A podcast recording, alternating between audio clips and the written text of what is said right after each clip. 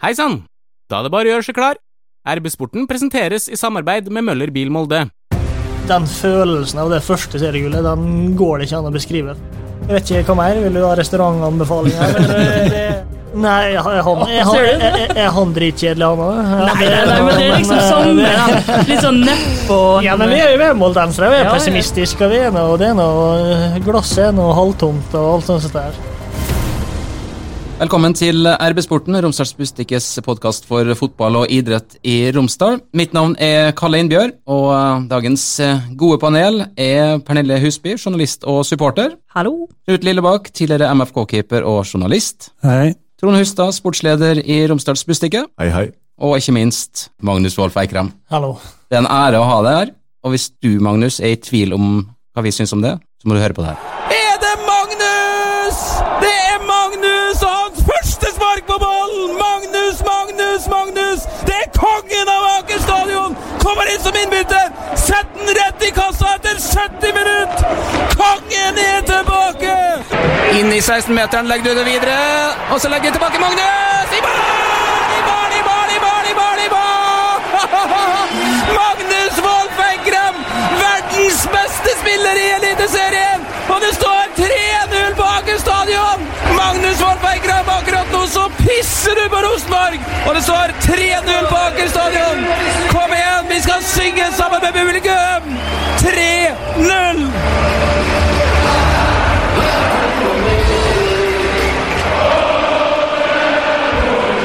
Det var bare litt av en innholdsrik sesong. Ja, det var veldig artig å høre på det, faktisk. Jeg satt nå, jeg husker alltid når jeg har vært i utlandet og spilt, så har jeg alltid faktisk fulgt med på NFM sine sendinger på nett og sånn. Jeg syns nå at du har vært litt negativ, men her hørtes du ganske positiv ut, altså, så det var, det var artig. Det går ikke an å være negativ til det, Magnus. Men eh, Trone Hustad, det er vel egentlig bare å gå rett på, er det ikke? Syns jo egentlig at jeg har eh, sagt og skrevet eh, dette her veldig mange ganger, da, eh, på mange forskjellige måter gjennom året. For det ville jo ingen ende ta, det som Magnus begynte på med det samme han kom tilbake til Molde i august i fjor, faktisk. For at han begynte jo å være Moldes beste og Eliteseriens beste spiller allerede da. Hele høstsesongen da hadde han for lite kamper til å utfordre Erik Hestad i vår kåring, men det har vært så mange fantastiske, tekniske, smarte ting som har kommet fra dette hodet her og eh, disse beina der i eh, år, at eh, jeg håper at noen vil lage en skikkelig god video, fullstappa med høydepunkt. Hva syns du sjøl? Nei, det har vært en, Jeg blir jo flau når jeg begynner å høre at folk skryter av meg, sånn, men det- nei, det har vært en helt fantastisk sesong både for meg personlig og for laget. og Det har vært helt konge å ha vært Molde-spiller i år, altså. Romsdals Bustikke har vært veldig fornøyd med Magnus også. Det er ikke, det er ikke bare på radioavdelinga. Nei, vi har jo da en eh, kåring eh, hvert år eh, som er årets spiller på RB-børsen, som eh, da blir regna sammen av eh, alle poengsummene på vår spillebørs eh, gjennom sesongen. Eliteserien inkludert Europa i år. Sånn at vi kan starte med å gi Magnus en fortjent eh, pris. Vær så god. Tusen takk. Den her setter jeg stor pris på, vet du. Børsen er jo ofte en gjenganger i garderober, sant. Så som ikke er fra Molde, de mener jo at vi fra Molde og omegnen de starter på to pluss. Det er sterkt å vinne, i hvert fall. Hvor viktig er det å få en pris? Det er jo fantastisk artig, og så er det jo noe jeg kan se tilbake på. Far min han vant jo ikke så mange priser, så jeg begynner å bli fullt uh, i min avdeling, så vi vil se om han kan uh, rade opp noen priser etter hvert. og Han finner vel fram etter han. Men dette er vel en av de viktigste prisene, ikke det? Jo, altså, skal være ærlig, så er det eneste børsen jeg leser, da. Det er alltid kjekt, men eh, det er jo ikke alltid alle er helt enige og sånn, men eh, jeg setter jo pris på det, og det, det er kult, og den skal opp på en eh, fin plass hjemme. Når vi snakker om priser, det er jo ikke tvil om at det har vært litt fokus på det etter sesongen, når Fotballforbundet skulle dele ut pris. Du var nominert. Nei, jeg var nominert til, til mange priser, jeg, så, men igjen, Håkon Evjen har hatt en helt fantastisk sesong. Det har han, og han er ung. Det var helt sikkert fortjent. Det er ikke vi som bestemmer det, jeg er jo eh, ganske sikker på at det er mange andre fra Molde som kunne vært nominert òg. Fredrik Aursnes, Ruben. De har vært utrolig gode i år, men eh, det Håkon Evjen er fortjent, og han vant den prisen. Men den viktigste prisen vant vi, og det var seriekull. Den er vi ekstremt fornøyd med. Det er mange ting vi er nysgjerrige på når du først er gjest hos oss. Så vi har tenkt å spole en del år tilbake i tid. Når eh, Magnus bestemte seg for å begynne å spille fotball. Hvor gammel var du da? Eh, Da var jeg var det fire-fem år, tenker jeg, oppå uh, Råkhaugen, på grusbanen der. En Med far til Daniel, han var trener, Laffen. Og Peter Berg Hestad spilte på det laget, jeg husker. Og det var det egentlig det første minnet jeg har fra MFK. Men måtte det bli sånn? Du, du kommer jo fra en fotballfamilie. Ja, nei, pappa har jo vært trener her i den klubben her i sikkert 15-20 år, og jeg har alltid egentlig vært med han, egentlig. Så fotball var vel egentlig eneste som sto i hodet på meg fra jeg var, ja, egentlig hele livet mitt. Jeg husker jeg, jeg, bodde en periode bak ene målet på, på Langmyrskolen. Hadde huset bak der. Kikka ut. Der sto Magnus, den unge Magnus Wolff Eikrem og skøyt og skøyt alene. Hvor mange timer gjorde du det alene? Jeg tror jeg trente en eh, tre-fire timer om dagen, altså, med fellestrening òg, da. Men jeg har alltid stått og trent eh, med skudd og pasning og alt sånt på Langmyra, på kunstgressbanen, og det det tok jo lang tid før uh, Langmyrbanen fikk kunstgress.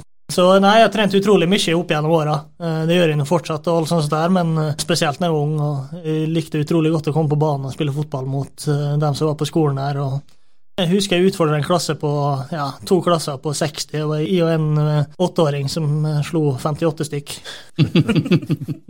Du, du var jo veldig teknisk. Ja, ja, ja, men det var fordi jeg holdt på så mye. Og, så husker jeg jo faktisk når jeg var på Langmyra, fikk jeg bot, faktisk. Jeg traff en bil, skøyt over på Langmyrabanen. Traff en bil her og knuste ruta på bilen hennes. Bulka framme i bilen hennes, og Knut Halvard fikk jeg bot hjemme, så hun måtte betale. Jeg hadde bulk på ene sida på bilen. eh. Jeg får sende opp til, til Knut Halvor. Knut Lillebakk, når, når du snakker om Magnus Wolff Eikrem, hva tenker du da? Jeg er så gammel at det til og med før tippa før Magnus var født. Jeg husker han før han var født. Eh, Det var at eh, på vei hjem fra Langmyra skole til Fugerset, så gikk jeg forbi et hus som ble bygd i Skogveien.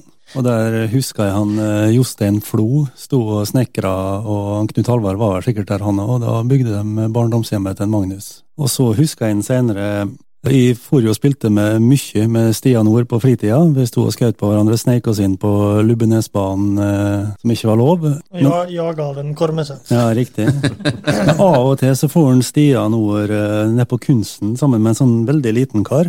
Du så allerede da at han Magnus kom til å bli veldig, veldig, veldig god. Det var litt artig å se på når han spilte smågutt- og guttekamper, for det var jo Han var den eneste mannen som slo pasninger rundt på banen. Resten bare sprang og dribla, og Magnus sto på midten og slo pasninger, stort sett. Det er det samme som vi har gjort i hele sesongen i år, det. Som vi har gjort hele livet. Han er en eh, bra fyr, morsom og en fantastisk bra fotballspiller. God pasningsspiller, godt blikk for spillet, og eh, han er litt hissig på banen. Lett, Er, er, lett du, å er fyre opp. hissig? Ja, jeg er alltid best når jeg er sint, så det er ikke så mye som skal til heller. Gjør du noe før kamp som gjør at du blir sint, liksom? Eller er det noe som irriterer deg? Er du lett irritert, liksom? Nei, men det har alltid vært hata å tape, alt sånt der, og visst at det, uansett om det er på trening, det er kanskje nesten verst der, når du taper mot dem på laget ditt og alt sånt der, men eh, det, jo, det kan jo være en dommeravgjørelse eller eh, en dårlig pasning fra en uh, lagkamerat. Det er ikke mye som skal til, altså. Det er ikke sånn at du liksom går inn for å gjøre deg sjøl litt sint før kamp, for da vet du at du spiller bra. Nei, det kommer automatisk. Hei! Om du kjører Volkswagen, kan det være lurt å velge et Volkswagen-verksted. Her møter du folk som kjenner din bil bedre enn noen andre, og til konkurranseviktige priser. Bestill time på mittbilhold.no. Din lokale Volkswagen-forhandler er Møller Bil Molde. Volkswagen kan Volkswagen best. Det, det er nok mange som har det som forbilde i dag. Når du var ung, hvem var ditt forbilde? Nei, Det første så det er, det, er jo Daniel, Magne, Petter Rudi. De var jo alltid med pappa som jeg sa, rundt om og gikk i garderoben nedpå her, og det var alltid dem jeg så opp til. Og selvfølgelig hadde jo eh, Stian Ord lenge som forbilde. Hadde, det, var, det var så mange forskjellige. Bernt Hulsker, altså Andri Sigtorsson. Nei, det, det var så mange. Det ble byttende hele tida, men eh, det var liksom alltid jeg så opp til. Og Når du nevner Stian Ord og Bernt Hulsker, så skjønner vi kanskje hvorfor du har blitt så sint. Det kan godt hende. Var de sint? Nei, men altså, jeg har alltid gått rundt i garderoben. har Alltid vært liksom spiller Karl Oskar Fjørtoft kom etter hvert, og han var liksom liten og teknisk. Jeg var utrolig liten. Det har vært så mange forbilder opp igjennom, og spesielt Daniel og, og Magne som stikker ut. da, og så i 2011, når de kom tilbake, så spilte jeg jo med begge to, og det var utrolig stort. og jeg tror en av Mange av mine beste kamper var sammen med dem. altså. Men Du valgte jo å reise fra Molde til United ganske ung. Jeg var 16. Det var sommeren jeg fylte 16, så flytta jeg til, til Manchester United. og Jeg hadde vært og trent der siden jeg var ja, 13-14-15 år, eh, og visste egentlig året før at jeg kom til å reise. Jeg har ikke sagt det til noen. Uka etter vi avslutta skolen, så snakka vi alle om hva vi skulle, og jeg sa ja, jeg skal på Molde videregående. og så var det Trond, Trond Hustad da, som eh, dagen vi kom hjem, så hadde vi, kom det en artikkel at jeg var klar for United, så jeg var svar skyldig på den turen der. Hvordan snappa opp sånn, da?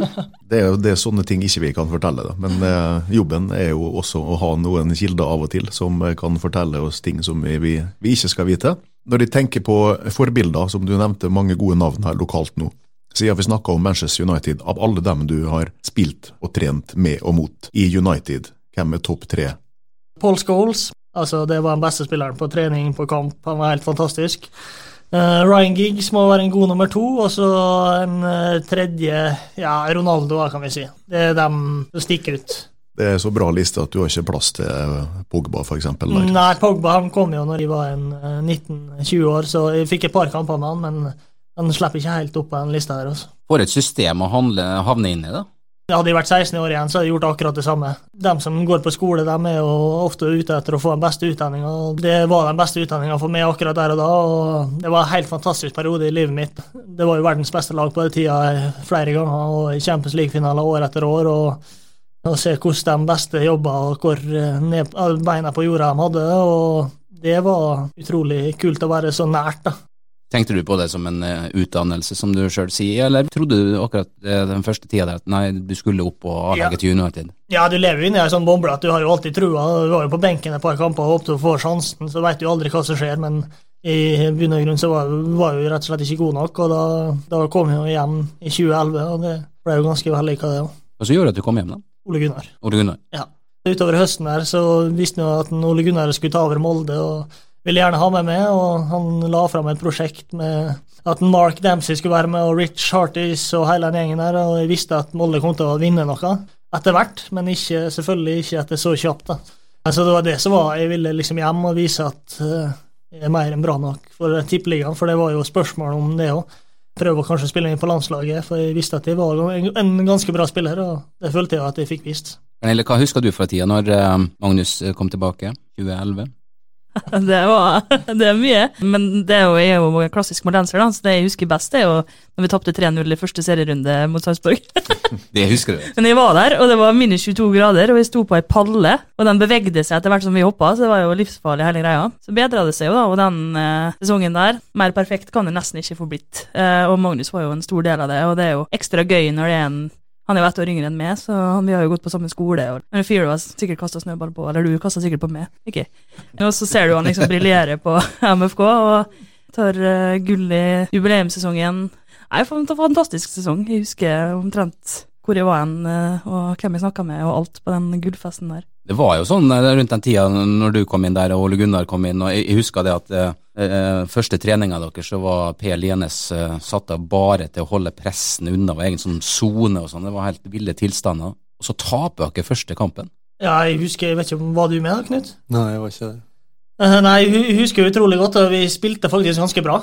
Første omgang husker jeg vi hadde en del ballen og alt sånt der, og så jeg husker ikke hvem som skåra, men de skåra ene vidundermålet etter det andre og var 3-0. og ja, Det så ikke veldig lyst ut der. Uh, jeg husker Dagen etterpå så hadde vi et møte der Ole Gunnar hadde en overhøvling. Jeg husker jeg og Magne fikk her for at vi ikke har gjort noe rett på corner, og alt sånt der, men så sa han at vi kommer til å vinne serien. Bare, bare merk mine ord, vi kommer til å vinne serien. Jeg husker det var så kaldt, jeg tror det var 22 minus eller noe. Det var liksom, Hele den dagen her er bare helt sånn svart, men så begynte det selvfølgelig å gå oppover. da. Det var utrolig kaldt, men det eneste jeg husker fra kampen, er målet til Jon Nimo Matland som banka han inn fra 25 meter. Jeg tror det nesten var i keepertabbe, så du burde ha stått der, Knut. Det burde jeg, men det ordna seg til slutt. da. det gjorde det.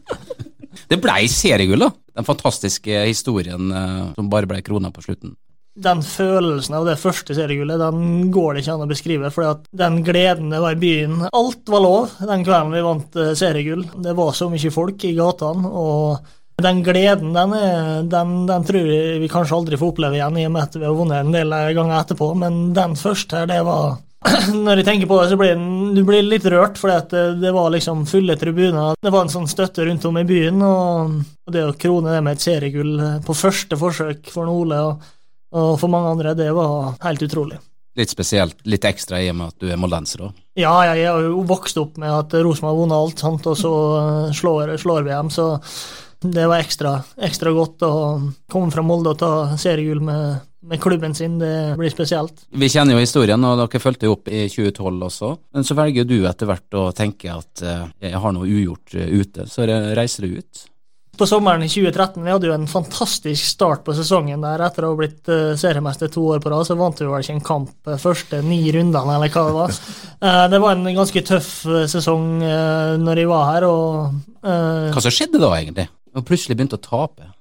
Kanskje at vi ble, tok litt for lett på det. At vi kanskje ikke gjorde det vi har gjort på trening hele, alle de åra før. Så når vi begynner å tape kamper, så det jo, blir det alltid en neste vanskeligere når vi ikke gjorde det på en sju, jeg tror det var sju eller åtte kamper før vi vant. og da det var utrolig tøft, og så var liksom kom det på sommeren, vi hadde U21-mesterskap med Norge, og vi kom på tredjeplass der, så kom det et tilbud fra Heerenveen, som vi hadde slått ut året før med Molde. Eh, så da eh, tenkte jeg at nå er det på tide å ta sjansen og prøve å bli proff igjen. Og ja, men Du rekker vel å spille noen cupkamper og, og sånn før du reiser av gårde, gjør du ikke det? Jo da, jeg spilte den, eh, spilte den Hud-kampen og skåra i den, den husker jeg nemlig. Den jeg husker den. Du endte jo med cupgull, så jeg har jo et cupgull sånn i det fjerne, sjøl om jeg ikke var med på cupfinalen. Så spilte vi mot eh, den sommeren der rett før jeg dro, og da uh, skåra jeg vel tre eller fire minutter på overtid. Jeg kommenterte kampen, og så ser jeg dommeren tar fløyta si i munnen. Det er siste spark på ballen. Har du ikke satt den i mål der, så hadde Molde røket ut. Ja, det er små marginer. Bomma på straffa på straffekonken, så da kunne jeg avgjort da, så det var Men Molde ble, serie, ble cupmester det året? Ja, så det, det ble en viktig skåring til slutt. Hvis vi går videre på eventyret ditt, Cardiff, var det et eventyr? Nei, det var en tung periode for alle oss norske som var der. og Det, var, ble jo nedrykk og sparken, så vi, vi spilte jo ikke vi eh, norske heller, så det var ingen dans på rosa, det, nei. Vi har jo bare sett dette gjennom media. men eh, Fortell litt om hvordan det var det der. Spille Premier League, det var jo drømmen. Det har alltid vært drømmen etter de dro fra Manchester United. Så ble noe med der og fikk kjenne litt på nivået. og Vi spilte jo ikke mange kampene, men når vi spilte, så uh, var vi ikke gode nok. og vi fikk jo ikke heller mange nok sjanser til å si at vi ikke var det, men vi skulle prøve å holde oss, og da var det kanskje ikke best å ha de norske nye med som ville spille litt annen fotball. og Ole prøvde jo det i starten, og det gikk ikke. og Så gikk vi tilbake til det gamle, litt mer kjemping og kriging. og det endte med nedrykk, og det var jo kjempesynd. Og så, eh, et par måneder ute i championship, så fikk jo Ole sparken, og da, da var jo egentlig ferdig i klubben. Noen ganger er det en lettelse å få lov å dra fra en klubb? Er det sånn? Ja, det kan du vel si, men det er mer litt angerfull at det ikke gikk bedre enn det skulle, for det var ikke mye sånn om og men at, eh, at det kunne ha funka. Så velger du å bli svensk. Ja, nei, da det var jo Åge Hareide da, som var, var, trener der, og han ville veldig gjerne ha med. De hadde vært i Champions League og signerte for dem i tre år. og Seriemester to av de åra, ett år med Champions League. Helt fantastisk klubb. En massiv, stor klubb. 20 eh, 000 hver uke. Eh, Derby Helsingborg, Stockholms Derby, 30 000 på tribunen. Det var en utrolig periode, faktisk. Det var veldig artig. og liksom, Det nærmeste jeg har hatt Molde da, når jeg har vært ute, at jeg har vært uh, fått en liksom sånn uh, Begynt å kjenne folk rundt om i klubben og alt sånt der. og så Nå snakker jeg så mye at Men i hvert fall, det var en veldig fin tid, da. Og det var, var utrolig kult, for det supporterne der, det er helt magisk. Og så var vi jo det beste laget i to av tre år òg, så det var veldig bra. Og så ble det en veldig Eh, kontrakten min gikk ut, og jeg fikk jo ikke spille det siste halve året. og Treneren mente at jeg ikke var god nok. og så To måneder etter de dro, eller tre måneder, så fikk han sparken. og vi skal komme litt tilbake til det, Magnus, men, men når Magnus kommer til Sverige, Trond Hustad, da fikk vi oppleve en Magnus Wolff Eikrem som var best i svensk fotball, mener i hvert fall vi, en periode. ja, jeg så ikke så mange kamper at jeg skal stå for den uh, vurderinga sjøl, men ble vel også kåra til den beste spilleren i jo, det ble, ene, ene sesongen ble det årets midtbanespiller i jeg vet ikke hva det ble 2016-sesongen, tror jeg. Hva er det som skjer da, når du kan være best i et halvt år, og så, ifølge treneren, ikke god nok til å være med? Vi bytta jo trener hvert år. Eh, Åge Hareide gikk jo til Danmark første året, og så vant vi gull neste, og da spilte jeg veldig bra. Og så fikk han sparken òg, for jeg mente at han ikke gjorde en bra nok jobb. Mm. Så det er jo litt som om en Erling skulle fått sparken eh, nå. Eh, og så kom det inn en trener som hadde litt andre ideer. og Han ville ha litt raskere bein og løpinga, og jeg spilte jo på høyre og venstre her, så jeg passa ikke inn i spillestilen. Og etter hvert hadde vi, vi hadde en prat på sommeren der, og jeg sa akkurat hva jeg mente til han om Jeg tror ikke han forsto alt, men eh, jeg husker Ikke, ikke sikkert han ville forstå alt, eller? Jeg husker i hvert fall at jeg, etter det møtet så var jeg ikke i nærheten av å være med, og det var egentlig greit. Og så vant vi jo serien det året, så vi kunne liksom ikke si så mye, men fire måneder etterpå eller noe sånt, så fikk han sparken, og i år igjen så fikk han sparken, så det fotballivet at han fikk jobbe i Malmö, det må man takke Gud for, og han tok ikke den muligheten, for å si det sånn. Malmö ble et godt eventyr for deg allikevel, da. Ja, det var, det var utrolig. Får bare glemme de siste par månedene, men eh, det var det var Alle snakka om Malmö, og alle dro på kamp, og det var sinnssykt artig å spille på stadion der. Er det viktig for, både for det og den klubben du er i til enhver tid, at som spiller fotball som, som passer veldig den typen fotball du spiller? Ja, det, det er vel egentlig det. Vi må jo som helst ha ballen. Det er det viktigste. Hei! Nå er det høstkampanje hos oss i Møllerbil Molde. Du får bl.a. tøffe og godt utstyrte T-Rox Sport Exclusive til kjempegod pris. Du kan spare over 35 000. Ta turen innom oss, din lokale Volkswagen-forhandler, Møller Bil Molde. Fra Sverige så går turen eh, til Seattle. Eh, Jeg var jo trente med Molde hele en januarperiode. Jeg følte at jeg ikke var helt klar for å komme hjem. Eh, Og så skulle jeg egentlig spille mot kretslaget Molde, med Molde. Eh, Og så får jeg en telefon fra Jim Solbakken på lørdagen at eh, Seattle vil ha det. Og da hoppa jeg vel egentlig på flyet på søndagen og var der på mandagen og signerte for dem. En av de største klubbene i USA. De spiller på amerikanske fotballstadion til eh, Seattle Seahawks og eh, har en 50 000 på så å si hver hjemmekamp. Og, men jeg kom jo dit i dårlig form, ikke spilt kamper på sikkert seks måneder. Uh, Starta faktisk ganske bra og skåra litt i starten og kom inn i det. Og så kom det vel egentlig tilbake at jeg ikke uh, var helt i den beste shapa og spilte rett og slett dårlig de kampene jeg var her. Og på sommeren så sa jeg bare til klubben at nå må jeg feire. Jeg må spille fotball. Jeg kan ikke holde på ikke spille, og det kunne jo ikke de love meg at jeg fikk spille der. Og da ringte jeg hjem til Molde og sa at eh, nå kommer jeg hjem, og nå skal vi vinne noe. Serien der er litt annerledes enn eh, i Europa.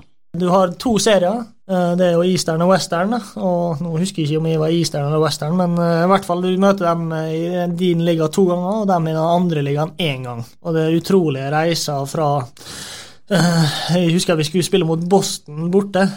Satt meg på flyet og sovner en eh, to timer, så ser jeg opp, og så leser jeg på kartet på flyet Oi, det er fire timer igjen, ja. Det er seks timer ned dit, ja. Så vi hadde noen sånne turer, og det er veldig vanskelig, og tre timer forskjell feil vei. Jeg liker å reise, alt sånt, så jeg fikk jo se utrolig mye, men eh, det var faktisk, vi trivdes sinnssykt godt der i Seattle.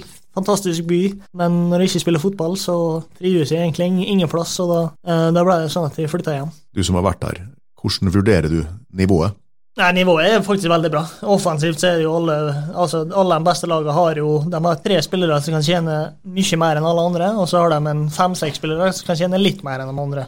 Og da er jo ofte de beste spillerne er jo som regel spissa, og det er der eh, plassene blir tatt opp. Og framover så er det en av de beste ligaene eh, rundt om som vi har vært i, i hvert fall. Og så eh, bakover så er det litt, litt så som så. Og så var jo det òg at der er jo alt åpent. sant? Alle lønninger er åpne. Du kan se, alle kan se til hver tid hva man tjener. Og det er i den garderoba, da, siden når jeg ikke spilte og tjente fem ganger så mye som han som spilte i min posisjon, det blir jo et eller annet feil der. Hvis at du tjener de pengene der, så må du vise det hver uke der, da. Seattle, fantastisk by, sier du. Hva gjorde du på utenom å spille fotball? Det er jo veldig mye nordmenn her. Det er vel en sånn der eh, dit eh, nordmenn kom for mange, mange mange år siden. Eh, og så det er veldig mye norsk-amerikanere her, og det var norske butikker her med norsk mat og alt sånt der, så hvis de savna hjem, så var de innom og kjøpe sin en smil eller eh, få seg vafler eller et eller annet sånt. Og så, det, var en, det er jo en stor by, det er vel en million der vi bodde, og det er en fantastisk sjøby. Jeg vet ikke hva mer, vil du ha restaurantanbefalinger? nei, men eh, det var mye som skjedde. Eh, Konserter, amerikansk fotball. Mangla bare De skulle få ishockeylag og basketlag, så Du levde det American way, eller? ja, rett og slett. Du ringer til slutt hjem. Ja, eller jeg sa til Nim at nå er det bare å fly- flytte tinga, men det som var, er jo at når du blir frigitt i eh, USA, så kan alle, alle andre lagene plukke opp. Og så når jeg sitter på flyplassen og skal hjem der, så ringer treneren til Toronto med, og så sier han at eh, vi vil ha det. Så de kan egentlig, For det er ligaen som eier spillerne der, så de kan plukke opp min opsjon da, og i kontrakten. Så da ble det jo plutselig at kanskje jeg skulle fære dit, når jeg satt på flyet hjem, men så sa jeg bare ikke plukke opp den opsjonen, og så gjorde de ikke det, og da dro igjen. Ok, du kan være med og styre litt sjøl, altså? Altså si at Jeg ikke jeg hadde jo måttet, visste at de hadde plukka den opp, men det gjorde de ikke, heldigvis. De hadde researcha litt, sånn at de skjønte at eh, de ville ikke ha en sur eh, Magnus Ekrem. Det er sant. og grinete. Når du kommer hjem, så skal du jo eh, igjen gjøre dette sammen med Ole Gunnar.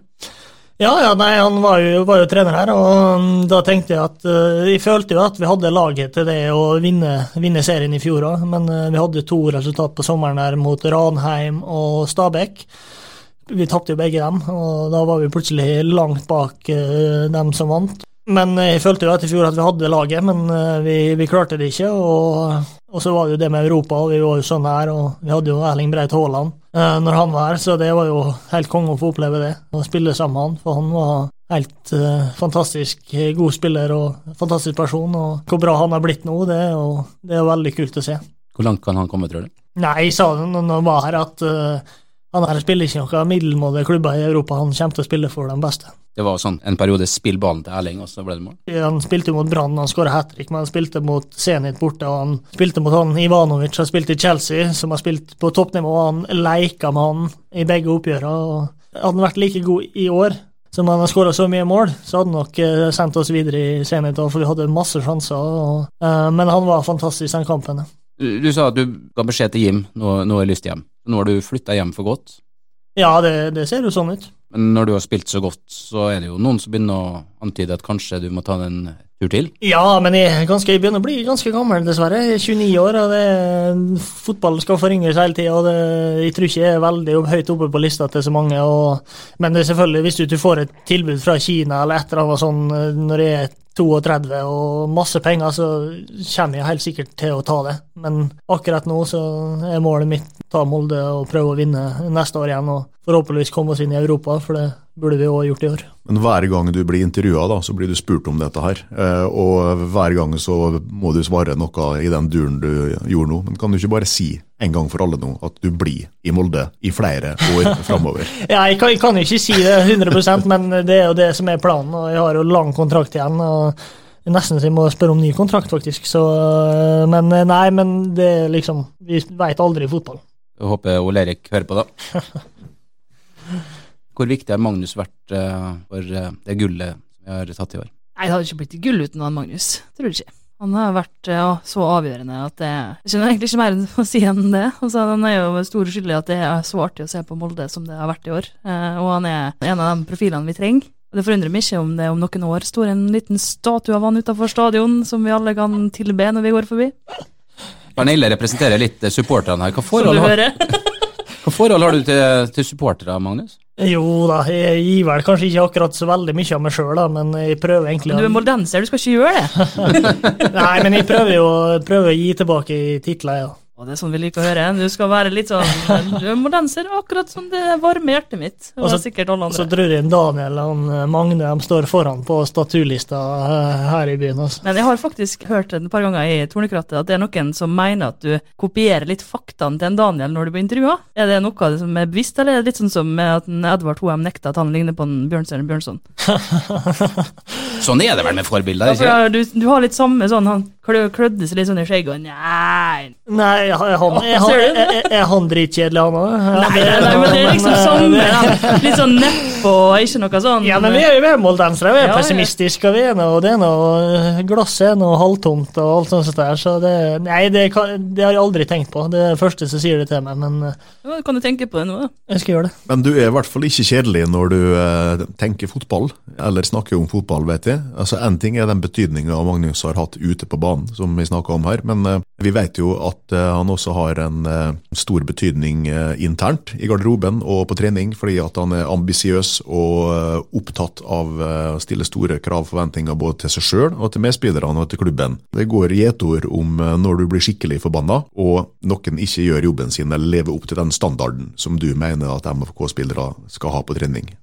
det, det har alltid vært sånn at liksom, du spiller som du trener, liksom. og jeg husker når jeg var i 2011-2012, så kanskje det ble litt for mye etter hvert. At det var litt for mye kjefting etter hvert, men nå tror jeg å finne en fin balanse. og uh, Folka i klubben vet jo at det, det, er jo ikke noe som er ondt etter trening. Det er liksom, Hvis du ikke lever opp til den standarden som du, du, du har satt det, og klubben har satt, så må du finne noe annet å gjøre. Men det, jeg sier fra hvis det trengs. og jeg hater jo å tape, så det er kanskje det er en stor grunn til. Hvem av medspillerne dine har du kjefta mest på i år, da? Uh, I år? Leke og OE tenker jeg har fått mye, og jeg har, jeg har fått litt tilbake. Jeg husker at vi leda 3-0 til pause mot Rosenborg, så Ian OE Vi brukte OE skjelte meg ut i fem minutter, og jeg skjelte ut han i fem minutter. Han mente at jeg ikke sprang nok defensivt. Og da vet vi at etter kampen så er det ferdig. Vi er ferdig med det. Vi vant kampen, og så er det litt artig. Den liksom, største kampen i i, for oss i året hjemme mot Rosenborg. og så leder 3-0 til pause, og vi står og skjeller ut hverandre i pausen. så Etter kampen så er vi ferdige og shaker hands, og så er det neste kamp. Du stiller høye krav eh, både til deg sjøl og dem rundt. Men hva, Magnus, du er 29 år, men du skal forhåpentligvis spille i Molde fotballklubb mange år eh, til. Når du tenker å snakke til deg sjøl, hva skal du bli bedre på for å utvikle seg som fotballspiller? Nei, Jeg tror ikke det er så mye. Jeg tror bare å videreholde. Jeg skal ikke sitte her og si at de skal bli bedre neste år, for det er store muligheter de ikke blir. Eh, men vi skal prøve å holde det på samme nivå. Så lenge vi i Molde vinner titler, så er det samme om vi skårer ti mål eller om vi skårer ett mål. Nå har vi klart det, og så er det liksom det neste år må vi uh, nullstille oss igjen. Treningene har vært helt fantastiske sånn, med intensitet og sånn, og det kan ikke vi slippe oss nedpå. Og så må vi helt sikkert kjøpe inn en spiller eller to for å liksom bygge på at vi skal uh, utfordre og vinne serien igjen og spille Europa og kanskje uh, nå femte runde i cupen. Noen spesielle du tenker på?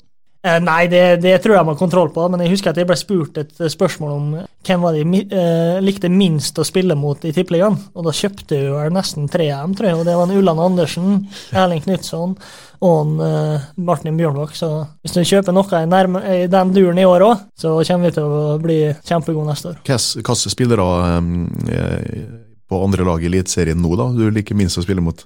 Blakstad på Ranheim er den som har mitt med mest utfordringer. Så syns jeg Bohin var skikkelig bra når vi møtte den. Ja, vi får se, da. ja, jeg håper de hører på nå. Alle gjestene som vi har her, kommer med en god historie. Nå er det på tide å utfordre det, Magnus. Ja, jeg, jeg skal prøve å forklare. Alle her har vært på Footlocker. Ja. OI kommer inn en, en dag eller etter trening, så, kommer, så tar han på seg T-skjorte som ligner veldig på ei dommerdrakt. Og Ian Ruben, vi begynner å skulle, dømme, skulle hjem og dømme kamper og alt sånt der. da. Og det er flere stiller seg på. Så ser han Ulland han går litt unna. da. Så kommer han, eh, liksom rundt svingen da, med en eh, helt nye sko. da. Det viser han nå, ja. Har, har du så her i 42?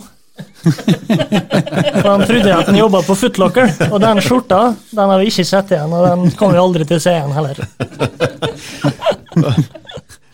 Og hvis vi skal forklare lyttere som eventuelt ikke vet hva footlocker er Så gå inn på Google og søk eh, på, på, den skjorta der, eh, eller i hvert fall på eh, footlocker ansatt. Ja, Den er vel hvit og svart og ja. ser ut som ei dommerdrakt. Yep. Du har store ambisjoner, Magnus. Du vet at Molde er en av to norske klubber som har vært i Mesterligaen eller Champions League tidligere.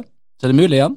Ja, det er jo det, men eh, det blir jo bare tøffere og tøffere hvert år. Og det er vel siste året i år før at det kommer til å bli nesten helt umulig for eh, klubber som oss. Men eh, gjerne litt sånn trekning sånn som Rosenborg hadde i år, så vet vi aldri. Da, det, da, er det muligheter, men det er lenge til og mye fotball som skal spilles. Men det er jo drømmen, selvfølgelig. Jeg var jo her i 98 og så alle kampene og var borte og fikk alle autografene til dem på Real Madrid, på Alexandra. Så det er jo drømmen, men jeg tror mest det som er mulig for oss, det er nok Europaligaen, men Champions League, selvfølgelig.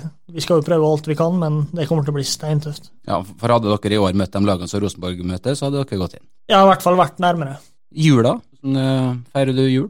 Det blir rundt treet, og allerede begynt å sitte opp eh, på verandaen full sånn eh, jule, juleshow, så jeg håper de som kommer inn med ferga her, de bare ser opp på verandaen, så ser de hele reinsdyrfamilien og alt det som er. Og så julaften, det er nå alltid med hele familien og søskenbarna mine, og mye god mat, så det gleder jeg meg til. Og så spørs det om det ikke blir litt eh, godt i koppen nå. Men har du slutta å spille innendørsfotball i romjula? Ja, det har jeg. Jeg spilte ei turnering ute på eh, Vestnes i 2012. Eh, Da ble jeg skada, men jeg spilte ut hele turneringa, for jeg spilte med kompisene mine. Vi måtte vinne den turneringa, og eh, da ble jeg skada. Måtte melde forfall til landslagssamling i 2013, så mm, der endte innendørskarrieren min. Hva sa du til Ole Gunnar når du informerte han om at du hadde blitt skada? Ja, men vi starta så mye seinere. Vi starta jo ganske sent. Vi starta ikke før 20. januar, så da var jeg klar da, til å begynne å trene igjen. Men eh, landslags eh, det var vel uka før eller to uker før, så da gikk det rett rett og slett ikke. Så det blir, blir ingen innendørsturnering i år? Ikke før jeg har lagt opp, nei.